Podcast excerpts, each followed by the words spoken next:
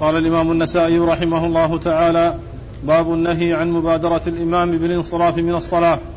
قال أخبرنا علي بن حجر قال حدثنا علي بن مسهر عن المختار بن فلفل عن أنس بن مالك قال صلى بنا رسول الله صلى الله عليه وسلم ذات يوم ثم أقبل علينا بوجهه فقال إني إمامكم فلا تبادروني بالركوع ولا بالسجود ولا بالقيام ولا بالانصراف. فإني أراكم من أمامي ومن خلفي. ثم قال والذي نفسي بيده لو رأيتم ما رأيت لضحكتم قليلا ولبكيتم كثيرا. قلنا ما رأيت يا رسول الله؟ قال رأيت الجنة والنار. بسم الله الرحمن الرحيم. الحمد لله رب العالمين وصلى الله وسلم وبارك على عبده ورسوله نبينا محمد وعلى آله وأصحابه أجمعين. أما بعد يقول النسائي رحمه الله باب النهي عن مبادرة الإمام في الصلاة. الانصراف من الصلاة. في الانصراف من الصلاة. آه، مراد النسائي رحمه الله أن الإمام يجب الائتمام به ومتابعته وأنه لا يسابق في شيء من أعمال الصلاة من أولها إلى آخرها ومن ذلك الخروج منها بالسلام فإنه لا يسلم قبل قبل سلام الإمام كما أنه لا يسابق الإمام في أي عمل من الأعمال بل ولا يوافق وإنما يتابع بعدما يفرغ الإمام من العمل الذي هو يعني كون يعني كونه يسلم أو كونه يقول الله أكبر أو, يقول سمع الله لمن حمده فإنه بعدما يفرغ من الشيء الذي عليه يتابعه الإمام يتابعه المأموم. كما سبق أن مر في بعض الأحاديث أنه قال إن أنني أسجد قبلكم وأرفع قبلكم فهذه بتلك فهذه بتلك يعني اللحظة التي سبقتكم فيها أنتم جئتم بعدي وكذلك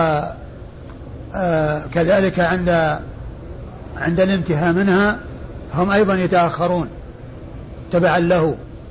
فتكون هذه بتلك يعني معناها أن الفترة التي مكثوها تماثل الفترة التي مكثها الإمام إلا أن الإمام يتقدمهم وهم يتأخرون بعده لا يسابقونه ولا يوافقونه.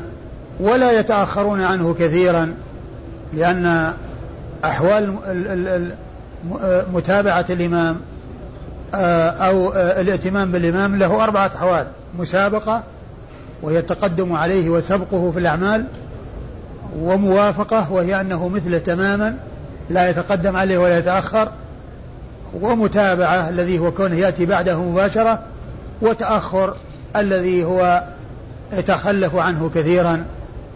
فهذه أعمال الأعمال التي آه، آه، يؤتم بالإمام فيها فإذا حصلت المسابقة أو الموافقة أو التخلف الكثير فإن هذا لا يسوغ وإنما الذي هو مطلوب وأمر به المتابعة بدون موافقة وبدون تأخر.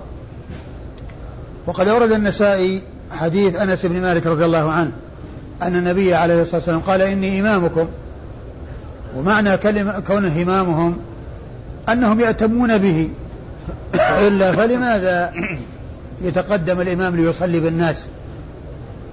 لو كان أن الإنسان يصلي كما يشاء أو يتقدم على الإمام إذا ما فائدة الإمام؟ ثم أيضا هذا الذي يسابق الإمام ماذا يستفيد من هذه المسابقة؟ كما قال بعض السلف أن إذا إذا علم الإنسان أنه لا يسلم قبل الإمام ولا يخرج من الصلاة قبل الإمام إذا ما فائدة المسابقة؟ معناه أنها إخلال في الصلاة وكون الإنسان لم يؤدي الصلاة مع أنه بمسابقته لن يخرج من الصلاة قبل سلام قبل الإمام. لن يخرج منها ولن ينتهي منها قبل انتهاء الإمام.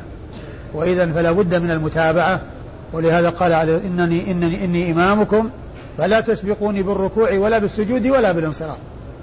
يعني الانصراف اللي هو السلام والخروج من الصلاة فهو يتابع في جميع أعمال الصلاة يتابع في جميع أعمال الصلاة من بدايتها إلى نهايتها حتى الانصراف منها الذي هو السلام الذي يكون به الانصراف والذي يحصل به التحليل تحليل الصلاة. كما قال عليه الصلاة والسلام تحريمها التكبير وتحليلها التسليم. يعني يحل الإنسان بعد التسليم ما كان محرما عليه بعد التحريم الذي هو قول الله أكبر تكبيرة الإحرام. فيحل له ما كان محرما عليه بعد التكبير فيرجع الأمر إلى الحالة التي كان عليها قبل التحريم. يعني قبل أن يدخل بتكبيرة الإحرام بعدما يسلم يعود الأمر إلى ما كان عليه. معنى يتكلم يشرب يعني يتحدث كل ذا خرج من الصلاة. فالصلاة لها بداية هي تحريمها وهي تكبيرة الإحرام ونهاية هي التي هو التسليم. فلا تسبقوني بالركوع ولا بالسجود ولا بالانصراف فإني إني أراكم من أمامي ومن وراء ظهري أو من خلفي. و وهذا يعني يبين أنه يطلع على ما يحصل منهم من المسابقة وأن الله تعالى أقدره على ذلك وأطلعه على ذلك. وهذا من خصائصه عليه الصلاة والسلام. يعني كونه يراهم من وراء ظهره كما يراهم من أمامه عليه الصلاة والسلام. آه ثم قال لو آه لو رأيتم ما رأيت لضحكتم قليلا ولبكيتم كثيرا. قالوا ما رأيت يا رسول الله؟ قال الجنة والنار. فالجنة آه آه يحصل البكاء يعني شوقا ورغبة شوقا ورغبة وحذرا من فواتها وخوفا من فواتها والنار خوفا منها. فالخوف من النار وما فيها من الأهوال والأفزاع إذا تذكرها الإنسان فإنه يقل ضحكه ويكثر بكاؤه أو يحصل بكاؤه. والرسول عليه الصلاة والسلام قال لو تعلمون ما أعلم لو رأيتم ما رأيت لضحكتم قليلا ولا بكيتم كثيرا. لكنهم ما رأوا هذا. ما رأوا هذا ولا شاهدوه. ما رأوا هذا ولا شاهدوه. والنبي صلى الله عليه وسلم أطلعه الله على ما لم يطلعهم عليه. ولم يطلع الناس عليه ليكون ذلك ابتلاء وامتحانا لهم. ليتميز من يؤمن بالغيب ومن لا يؤمن بالغيب. لأن النار والجنة لو حصلت في الدنيا ورأى الناس في الدنيا لم يتميز من يؤمن بالغيب ومن لا يؤمن بالغيب. ولهذا في صلاة الكسوف لما عرضت عليه الجنة وعرضت عليه النار وهو في الصلاة وتقدم في صلاته ومد يده كأنه يريد أن يأخذ شيئا وتأخر حتى رجع القهقرة وسأله أصحابه ما ما الذي لماذا حصل؟ أن رأيناك تقدمت حتى كأنك تتناول شيئا ورأيناك تأخرت. فقال عليه الصلاة والسلام عرض عليه الجنة فرأيت عناقيد العنب متدلية فأردت أن أخذ منها عنقودا فمددت يدي ثم تركت. قال عليه الصلاة والسلام فلو أخذت منها لأكلتم ما بقيت الدنيا. يعني من ذلك العنقود. هذا العنقود لو أخذ منه لأكل الناس إلى نهاية الدنيا. وذلك لعظم يعني آه، شأن آه، نعيم الآخرة. لكن الرسول ترك ولم يأخذ منه شيئا حتى يتميز من يؤمن بالغيب ومن لا يؤمن بالغيب. من يصدق ومن لا يصدق. من يستعد ومن لا يستعد. من يتهيأ ومن لا يتهيأ. رأيت الجنة والنار. فالرسول عليه الصلاة والسلام أخبر يعني بما بما شاهده وعاينه وأنه لو حصل منهم لو حصل لهم ما حصل له لضحكوا قليلا ولبكوا كثيرا. ولبكوا كثيرا يعني آه، خوفا من النار وخوفا من العذاب. ولهذا عذاب القبر الله عز وجل اخفاه عن الناس وقد أطلع الله عليه نبيه عليه الصلاة والسلام. قال في الحديث الصحيح لولا أن لا تدافنوا لو دعوت الله أن يسمعكم من عذاب القبر ما أسمع. لولا أن لا تدافنوا لدعوت الله أن يسمعكم من عذاب القبر ما أسمع. أطلعه الله عز وجل على عذاب القبر وأسمعه ما يجري في القبور وأطلعه على الجنة والنار ولم يطلع الناس ولكنهم أخبروا بذلك حتى يتميز من يؤمن بالغيب ومن لا يؤمن بالغيب. ومحل الشاهد منه قوله ولا بالانصراف. هذا هو محل الشاهد للترجمة. وأما إسناد الحديث فيقول نسائي أخبرنا علي بن حجر. علي بن حجر هو بن إياس السعدي المروزي ثقة حافظ أخرج له البخاري ومسلم والترمذي والنسائي. وقد وقد أكثر عنه مسلم في صحيحه. أكثر عنه مسلم في صحيحه. ويروي عن علي بن مسهر علي بن مسهر وهو ثقة يغرب وحديثه أخرجه أصحاب الكتب الستة. عن المختار. عن المختار بن فلفل. المختار بن فلفل وهو صدوق ولا ثقة؟ صدوق له أوهام. وهو صدوق له أوهام. أخرج حديثه مسلم وأبو داود والترمذي والنسائي. عن عن أنس بن مالك. عن أنس بن مالك رضي الله عنه صاحب رسول الله صلى الله عليه وسلم وخادمه وأحد السبعة المعروفين بكثرة الحديث عن رسول الله صلى الله عليه وسلم من أصحابه الكرام رضي الله عنهم وأرضاهم. و آه، وحديثه عند أصحاب الكتب الستة. وهذا الإسناد رباعي من رباعيات كتاب النسائي التي هي أعلى الأسانيد عنده. لأن علي بن حجر عن علي بن مسهر عن المختار بن فلفل عن أنس. أربعة أشخاص. بين النسائي وبين رسول الله صلى الله عليه وسلم. فهي أعلى الأسانيد عند النسائي وأطول الأسانيد عند النسائي عشرة.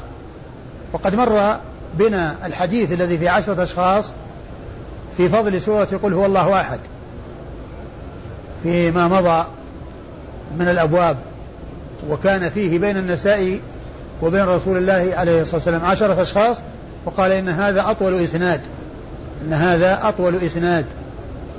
لأن فيه عشرة أشخاص. فأعلى الأسانيد عند النساء أربعة وأنزلها وأطولها عشرة.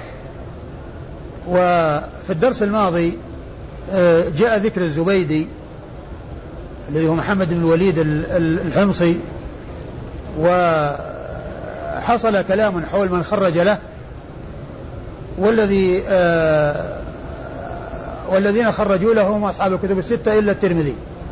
أصحاب الكتب الستة إلا الترمذي. ليس الجماعة الجماعة ما خرجوا له جميعا بل الترمذي لم يخرج له وإنما خرج له الستة إلا الترمذي. آه نعم.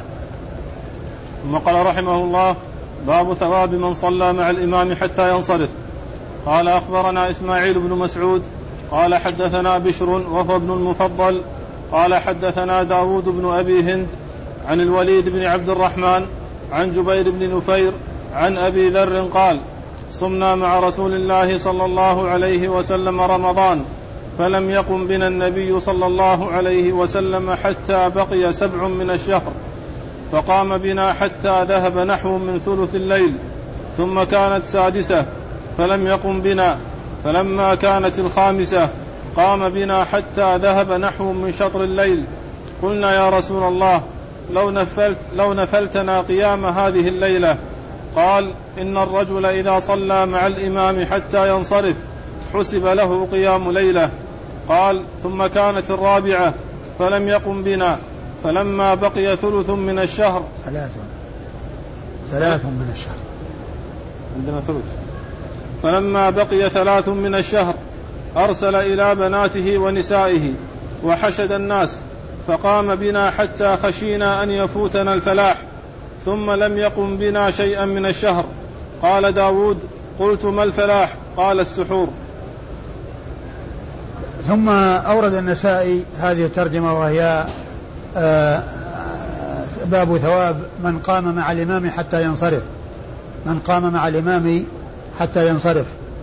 يعني معناه أنه له أجر قيام الليلة. إذا قام مع الإمام حتى ينصرف يعني في صلاة الليل اللي في صلاة التراويح أو في آه، التهجد في رمضان يعني حتى ينصرف كتب له قيام ليلة أورد النسائي في هذه الترجمة حديث آه، من الصحابي؟ أبي ذر حديث أبي ذر الغفاري رضي الله تعالى عنه أن النبي عليه الصلاة والسلام لم يصلي بهم في رمضان أي التهجد أو قيام الليل حتى بقي سبع من الشهر. في العشر الأواخر من رمضان بقي سبع. ففي هذه الليلة التي هي أول السبع خرج وصلى بهم إلى يعني نحو ثلث الليل. ثم الليلة التي تليها لم يخرج ولم يصلي بهم. وفي الليلة التي بعدها وهي الرابعة التي آه يعني آه آه خامسة آه الخامسة آه صلى بهم يعني آه نحو من شطر الليل؟ نعم نحو من شطر الليل. نحو من شطر الليل شطر الليل يعني نصفه. ثم إنهم قالوا لو نفلتنا أو نفلتنا بقية ليلتنا يعني أكملنا واصلنا الصلاة إلى يعني إلى آخر الليل. فقال من قام مع الإمام حتى ينصرف حسب له قيام ليلة. معناه أنه إذا صلى مع الإمام حتى ينتهي فإن الله تعالى يكتب له قيام الليلة إلى آخرها. يعني ثواب ذلك يكتب له ثواب ذلك. ثم إنه لم يصلي بعد ذلك في الليلة الرابعة. ولكن لما جاءت بقي ثلاث في الليلة الثالثة التي التي هي أولى الثلاث الباقية قام وصلى وحشد أهله ودعا أهله وصلى بهم حتى خشوا خشوا أن يفوتهم. أن يفوتنا الفلاح. خشوا أن يفوتهم الفلاح والفلاح هو السحور يعني كونه يعني وقت يأتي وقت السحر ويفوتهم السحور يعني ما يتمكنون من أكل طعام السحور لأنهم كانوا يصلون معه عليه الصلاة والسلام. ثم إنه لم آه لم يخرج بعد ذلك ولما راجعوه قالوا أن آه أخبرهم قال خشيت أن يفرض عليكم. خشيت أن يفرض عليكم. والذي جاء في هذا الحديث دليل على مشروعية قيام رمضان جماعة وأن صلاة التراويح سنة سنها رسول الله عليه الصلاة والسلام وأنها لم يكن وجودها ابتداء في عهد عمر وإنما كان أصلها في زمنه عليه الصلاة والسلام.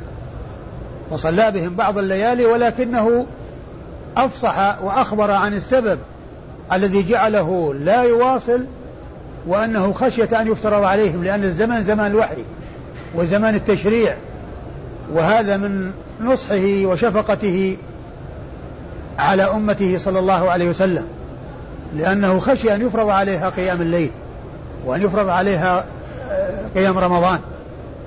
فترك ذلك ولكن لما جاء زمن الفاروق رضي الله تعالى عنه وأرضاه.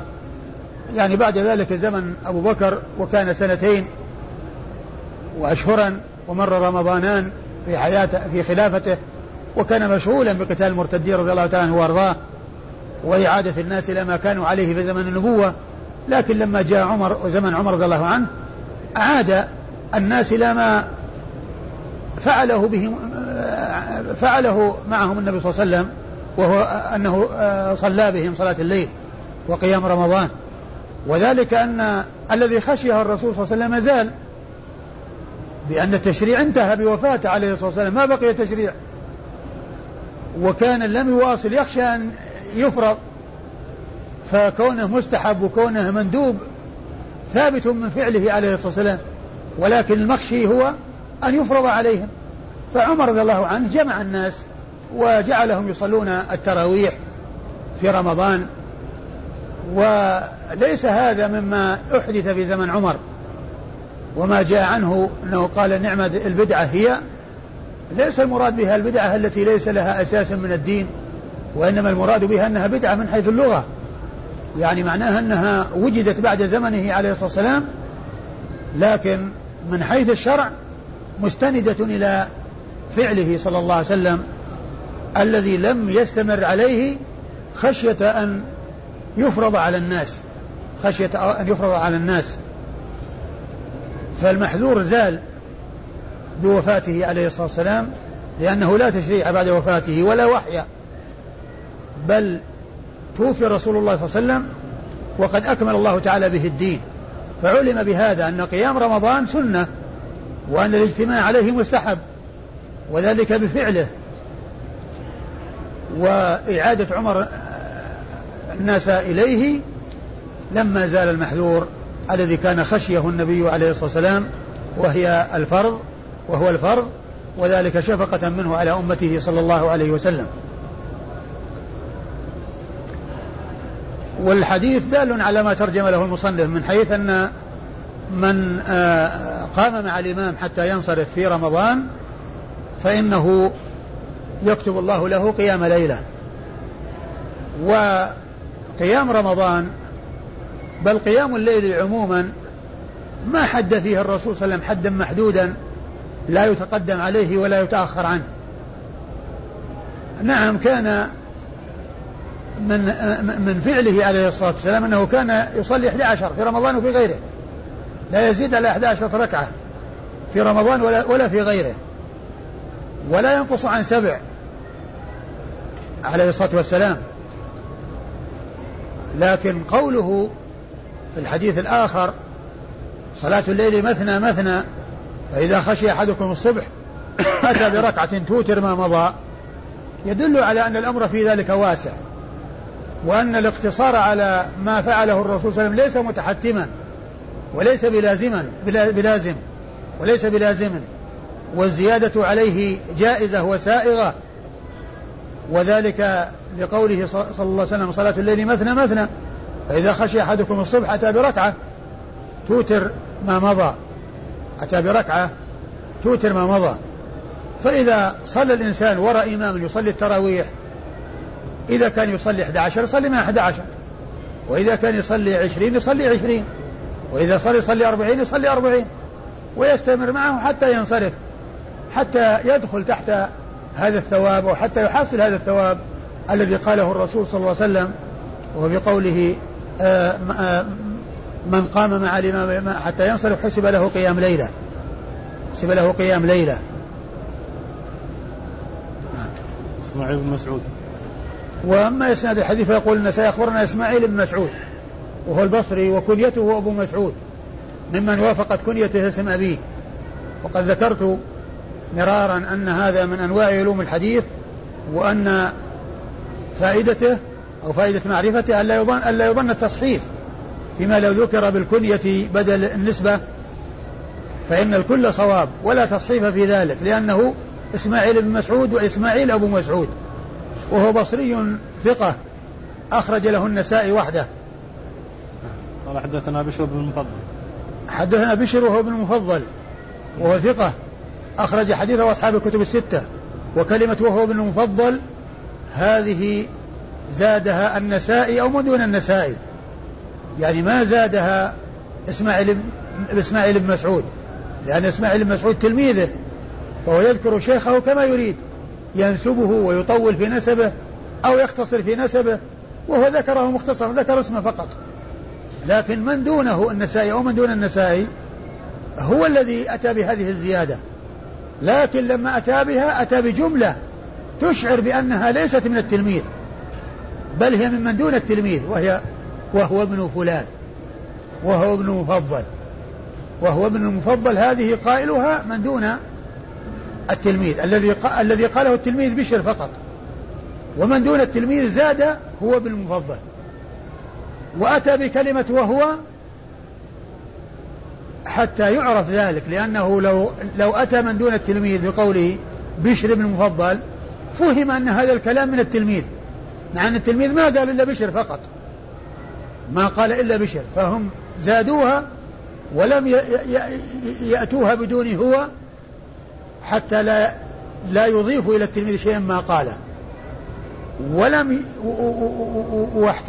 والأمر واحتاجوا إلى أن يذكروها فأتوا بشيء يميزها وأن الكلام ليس من التلميذ وإنما هو ممن دون التلميذ وهذا من دقة المحدثين في آه، تلقيهم وأدائهم وتحريرهم وتدوينهم وأنهم يأتون بمثل هذه القيود التي تبين القائل والتي يحصل بزيادتها المراد الإيضاح والبيان مع السلامة من أن يقول آه التلميذ ما لم يقله أو يعبر عنه بعبارة ما عبر بها.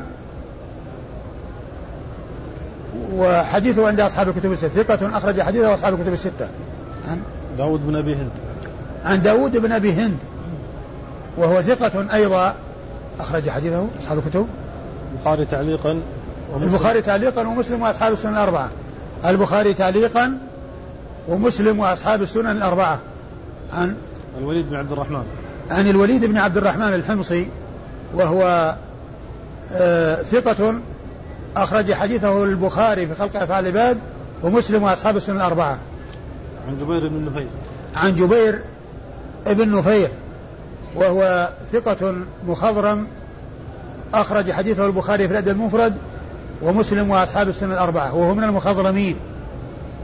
قد مر في الدرس الماضي ذكر اثنين من المخضرمين وهم مسروق بن الأجدع و إيش الثاني؟ الأسود بن يزيد. والأسود بن يزيد ابن قيس النخعي. الأسود بن يزيد بن قيس النخعي هؤلاء مخضرمون. الأسود بن يزيد بن قيس ومسروق بن أجدع وجبير بن نفير هذا وسويد بن غفلة والمعرور بن سويد وأبو وائل شقيق بن سلمة والصنابحي عدد زاد عددهم على العشرين. ذكرهم الإمام مسلم. و ويقال لهم المخضرمون لأنهم أدركوا الجاهلية والإسلام ولم يلقوا النبي عليه الصلاة والسلام. وهم معدودون في كبار التابعين.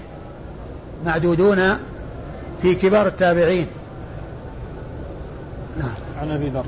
عن أبي ذر الغفاري وهو جندب بن جنادة صاحب رسول الله صلى الله عليه وسلم وحديثه عند أصحاب الكتب الستة.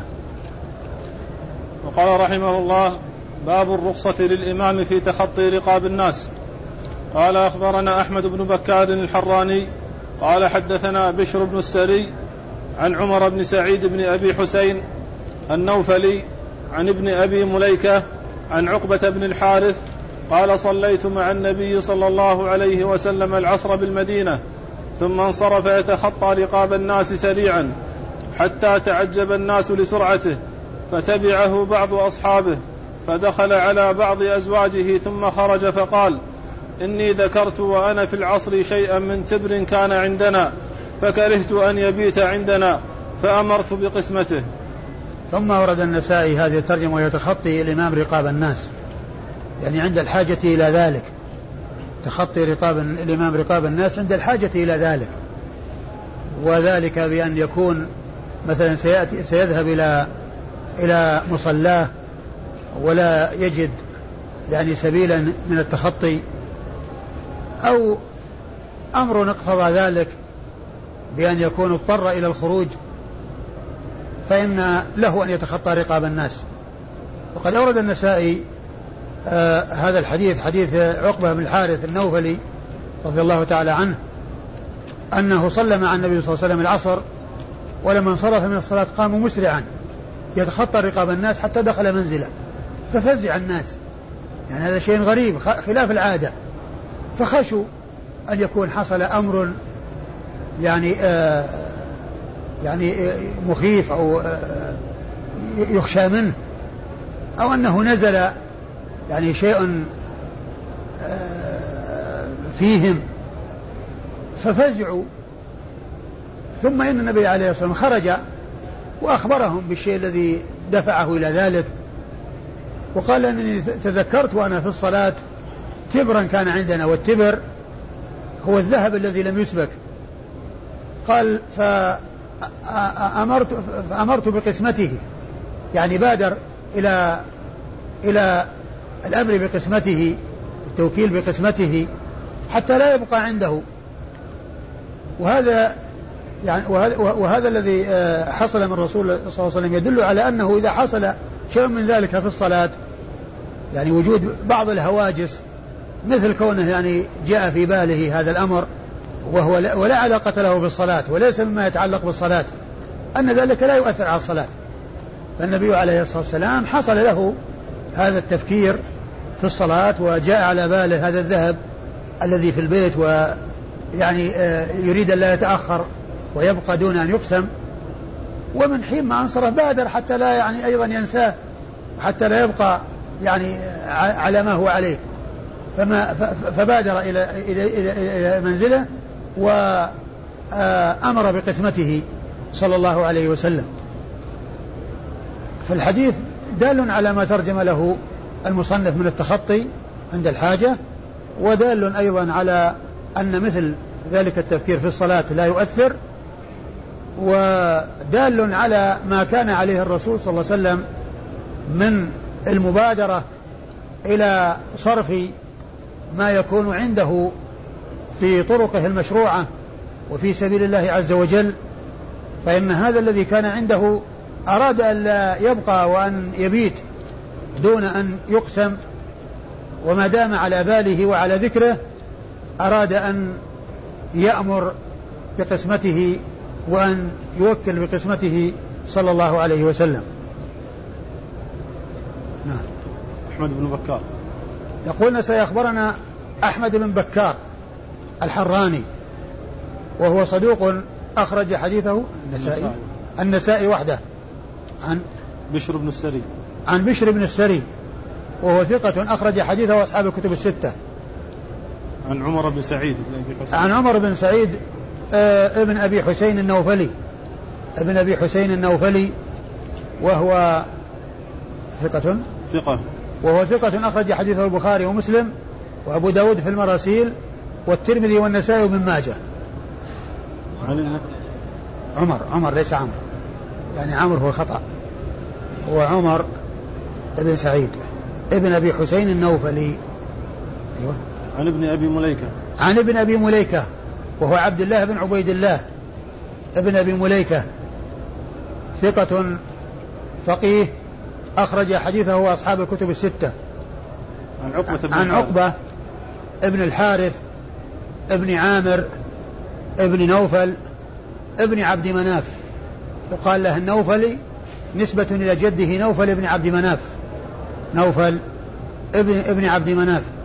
وهو صاحب رسول الله صلى الله عليه وسلم ومن مسلمة الفتح وحديثه أخرجه مسلم. و البخاري وأبو داود والترمذي والنسائي. آه البخاري؟ البخاري وأبو داود والترمذي البخاري وأبو داود والترمذي والنسائي. البخاري وأبو داود والترمذي والنسائي. هؤلاء هم الذين خرجوا حديث عقبة بن الحارث ابن عامر ابن نوفل ابن عبد مناف. يقال له النوفلي نسبة إلى جده نوفل ابن عبد مناف. وقال رحمه الله باب إذا قيل للرجل هل صليت؟ هل يقول لا؟ قال أخبرنا إسماعيل بن مسعود ومحمد بن عبد الأعلى. قال حدثنا خالد وهو ابن الحارث. عن هشام عن يحيى بن أبي كثير عن أبي سلمة بن عبد الرحمن عن جابر بن عبد الله أن عمر بن أن عمر بن الخطاب يوم الخندق بعدما غربت الشمس جعل يسب كفار قريش. وقال يا رسول الله ما كدت أن أصلي حتى كادت الشمس تغرب. فقال رسول الله صلى الله عليه وسلم فوالله ما صليتها.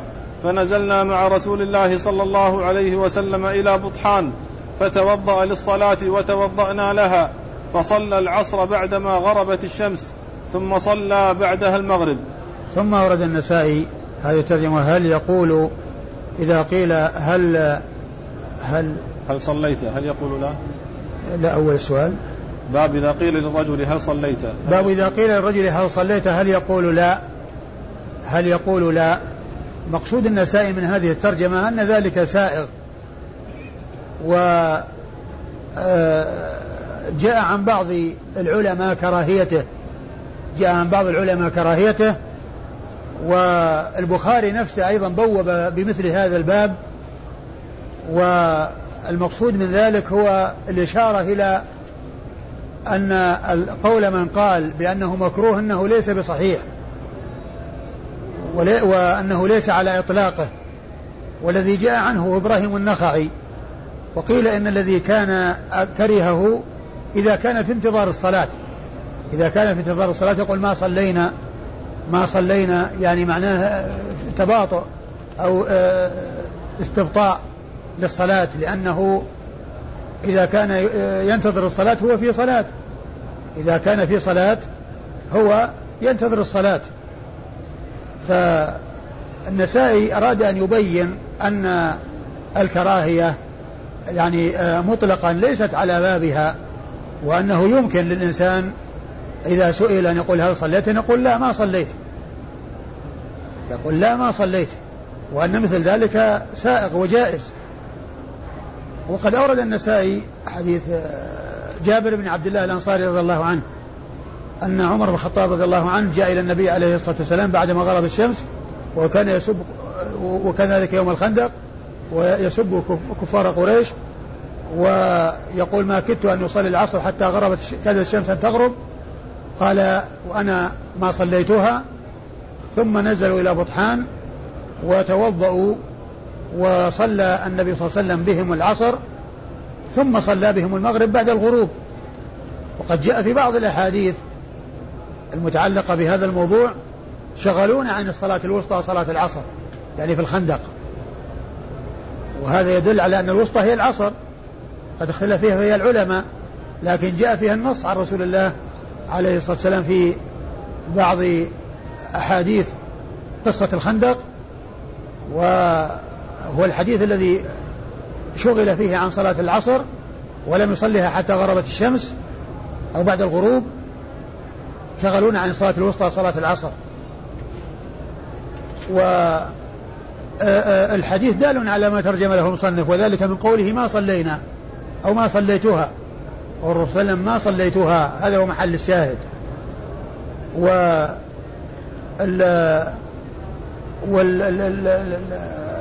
والحديث دال على الترتيب بين الصلوات وأن الصلاة الفائتة تقدم على الصلاة الحاضرة اللهم إلا أن يخشى وقت الحاضرة فإنه يؤتى بها فإنه يؤتى بالصلاة الحاضرة إذا خشي وقتها ولم يتسع بقية الوقت إلا للحاضرة فإنه عند ذلك يؤتى بها لأنه لو لم يأتي بها خرج وقتها وصارت مقضية. وأما ما دام أن الأمر فيه سعة وأن وأنه يؤتى بالفائتة ثم يؤتى بالحاضرة والوقت واسع فلا بد من الترتيب. لكن إذا خشي فوات وقت الحاضرة فإنه يترك الترتيب ويؤتى بالصلاة الحاضرة حتى لا تكون مقضية حتى تكون مؤدات غير مقضية. وبعد ذلك يأتي بالفوائد التي فاتت. وإذا كان الأمر واسعا أو الوقت واسعا فإنه يأتي بالصلوات المقضية الفائتة قبل الصلاة التي هي التي حضر وقتها ما دام أن الوقت فيه سعة وأنه يمكن أن يأتي بالأشياء الفائتة قبلها. آه، فالرسول صلى الله عليه وسلم بعدما غربت الشمس وتوضأوا صلى بهم العصر وهي التي قد فاتت وخرج وقتها ثم صلى بهم المغرب التي آآ آه، آآ آه، وقتها حاضر. الاسناد إسماعيل بن مسعود. أخبرنا إسماعيل بن مسعود وقد مر ذكره قريبا ومحمد بن عبد الله هو الصنعاني البصري وهو ثقة أخرج له مسلم وأبو داود في القدر والترمذي والنسائي وابن ماجه. حدثنا خالد وهو ابن الحارث. حدثنا خالد وهو ابن الحارث. آه البصري وهو ثقة حديثه عند أصحاب الكتب الستة. وكلمة هو ابن الحارث مثل ما مضى في بشر بن المفضل. الذي زادها هو من دون التلميذ. عن هشام. عن هشام ابن أبي عبد الله الدستوائي. وهو ثقة حديثه عند أصحاب الكتب الستة.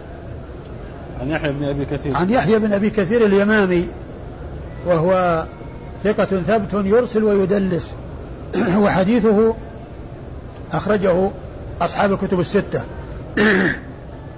ويحيى بن أبي كثير هذا هو صاحب الكلمة المأثورة المشهورة التي تدل على آه، شأن طلب العلم والعناية به وحفظ الوقت وعدم الإخلاد إلى الراحة. والتي أوردها الإمام مسلم في صحيحه بإسناده إليه. وذلك في أثناء آآ آآ آآ الكلام على صلاة أوقات الصلوات. عندما ذكر حديث عبد الله بن عمرو بن العاص من طرق كثيرة أتى بهذا الإسناد ثم إلى يحيى بن أبي كثير قال لا يستطاع العلم براحة الجسم. روى الإمام مسلم بإسناده إلى يحيى بن أبي كثير قال لا يستطاع العلم براحة الجسم. لا يستطاع العلم براحة الجسم. يعني معناه أن من أراد أن يحصل شيئا من العلم فإنه لا يحصله بالراحة والإخلاد إلى الراحة وإنما يحصله بالنصب والتعب والمشقة. يحصله بالنصب والتعب والمشقة. لا بد من النصب لمن يريد أن يحصل شيئا. وهي كلمة عظيمة. لا يستطاع العلم براحة الجسم ما يحصل العلم براحة الجسم. من أراد أن يريح جسمه ما يحصل العلم ومن أراد أن يحصل العلم هو الذي يتعب جسمه وهو الذي يشغل نفسه وهو الذي يشغل ليله ونهاره وتفكيره وبصره وقدميه في المشي إلى مجالس العلم وإلى أهل العلم وإلى آآ آآ إلى دور العلم. ليحصل العلم. لا يستطاع العلم براحة الجسم. كلمة عظيمة لها شأنها و لا شك أن الأمر كما قال رحمة الله عليه فمن أراد أن يحصل علما فليبذل فليبذل ما به يحصل العلم. يشغل وقته يبذل ماله في سبيل تحصيل الكتب النافعة في الوصول إلى الجهات التي يحصل فيها علم إذا استطاع إلى ذلك سبيلا. يحيى بن أبي كثير هذا هو صاحب هذه الكلمة العظيمة التي ذكرها مسلم في صحيحه. عن أبي سلمة بن عبد عن أبي سلمة بن عبد الرحمن بن عوف وهو من الثقات وهو ثقة من فقهاء المدينة السبعة على أحد الأقوال في السابع كما سبق أن مر في دروس مضت أن المدينة فيها سبعة أشخاص في عصر التابعين اشتهروا بالفقهاء السبعة بلقب الفقهاء السبعة. ستة منهم متفق على عدهم في السبعة والسابع مختلف فيه وأحد الأقوال في السابع أنه أبو سلمة بن عبد الرحمن بن عوف هذا الذي معنا. وحديثه عند أصحاب الكتب الستة. عن جابر بن عبد الله الأنصاري صاحب رسول الله عليه الصلاة والسلام وهو صحابي ابن صحابي وأبوه استشهد يوم أحد رضي الله تعالى عنه وأرضاه. وجابر بن عبد الله رضي الله تعالى عنه هو أحد السبعة المعروفين بكثرة الحديث عن رسول الله صلى الله عليه وسلم من أصحابه الكرام رضي الله تعالى عنهم وأرضاهم وهم الذين قال فيهم السيوطي في الألفية والمكثرون في رواية الأثر أبو هريرة يليه بن عمر وأنس والبحر كالخدري وجابر وزوجة النبي فجابر رضي الله عنه أحد هؤلاء السبعة المكثرين من رواية حديث رسول الله عليه الصلاة والسلام من أصحابه الكرام رضي الله تعالى عنهم وأرضاهم.